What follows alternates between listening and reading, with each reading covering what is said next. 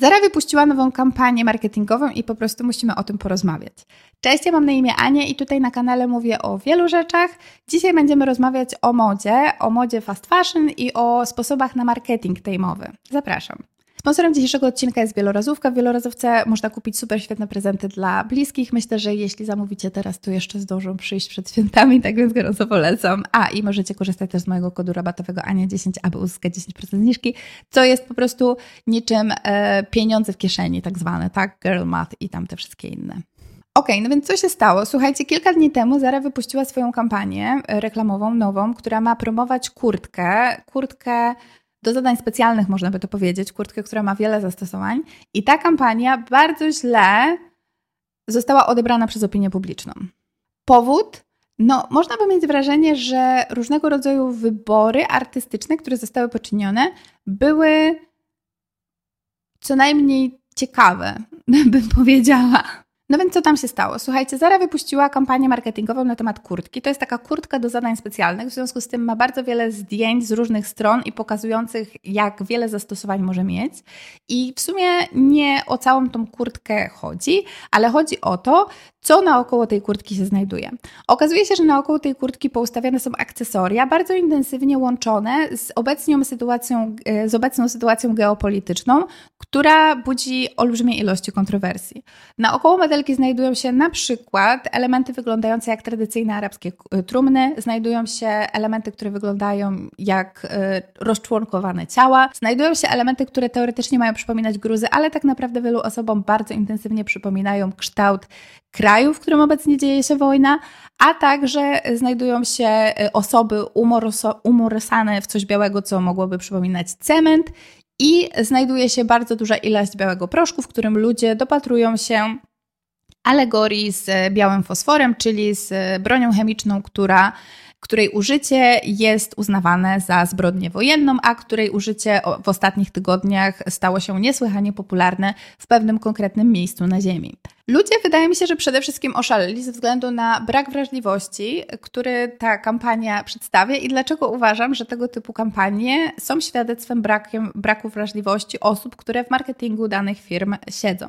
Głównym celem kampanii reklamowej jest sprzedawać. W związku z tym osoby, które kampanie reklamowe wypuszczają, przede wszystkim powinny patrzeć na to, jakie nastroje są obecnie na rynku i też właśnie tym samym starać się wypuszczać kampanie, które będą rezonować z większością odbiorców danej kampanii i też właśnie tym samym będą e, umożliwiać firmie sprzedaż jak największej ilości produktów. Jednak raz po raz firmy pokazują, że są w stanie posunąć się naprawdę nie wiadomo gdzie, aby swoje produkty sprzedawać. Nie wiem, czy pamiętacie, w zeszłym roku omawialiśmy kampanię Balenciagi, w której to Balenciaga zdecydowała się wykorzystywać y, akcesoria Sadomaso y, w towarzystwie, prezentowane w towarzystwie dzieci po to, aby sprzedawać jakieś tam swoje, nie wiem, prezentowniki czy inne rzeczy właśnie też przed świętem Bożego Narodzenia swojego, swoją drogą to się odbywało. Jest takie powiedzenie, nieważne co mówią, ale ważne, aby mówili, które bardzo intensywnie, mam wrażenie, ostatnimi czasy jest wykorzystywane przez zarówno marki odzieżowe, jak i generalnie po prostu influencerów,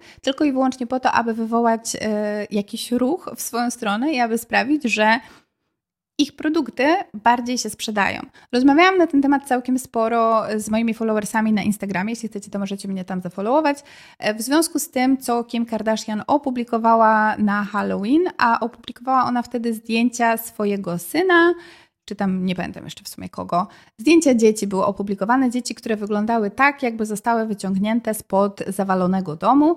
To zdjęcie zostało opublikowane też w trakcie toczącej się wojny i e, było opatrzone jeszcze dodatkowo koszulkami piłkarskimi od e, piłkarzy, którzy grali w, klubach z napisami arabskimi. I co oczywiście możliwe, że było zupełnym przypadkiem, bo możliwe, że dzieci po prostu chciały ubrać się w stroje piłkarzy, e, które miały na sobie stroje, napisy arabskie, i może dzieci po prostu chciały wyglądać niczym wyciągnięte spod ruin teoretycznie ponoć miały wyglądać jak zombie, ale według mnie nie wyglądały jak zombie ani troszeczkę. No i, e, no i może dzieci naprawdę bardzo tego chciały, może kim chciała się po prostu podzielić ze swoimi followersami właśnie tego typu zdjęciem, ale według mnie, jeśli jesteśmy osobą publiczną, jeśli jesteśmy firmą, która z ludźmi ma do czynienia, powinniśmy mieć choć trochę wrażliwości geopolitycznej i choć trochę taktu.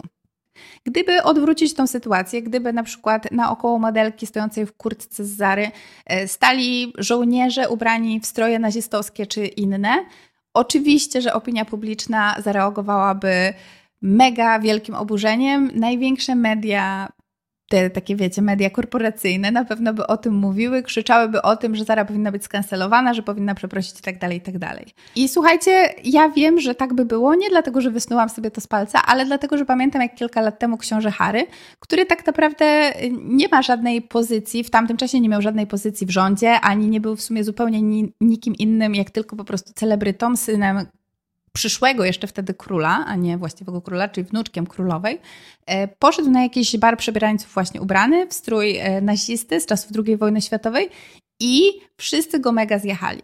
W związku z tym, jeśli jesteśmy w stanie znaleźć w sobie wystarczająco dużo empatii, aby nie chcieć dzielić obrazów, które krzywdzą osoby, którym krzywda stała się 50 czy tam 70 lat temu, to wydaje mi się, że powinniśmy znaleźć w sobie wystarczająco dużo empatii, aby nie dzielić obrazów, które krzywdzą i sprawdzają, sprawiają przykrość osobom, e, co do których agresja dzieje się obecnie.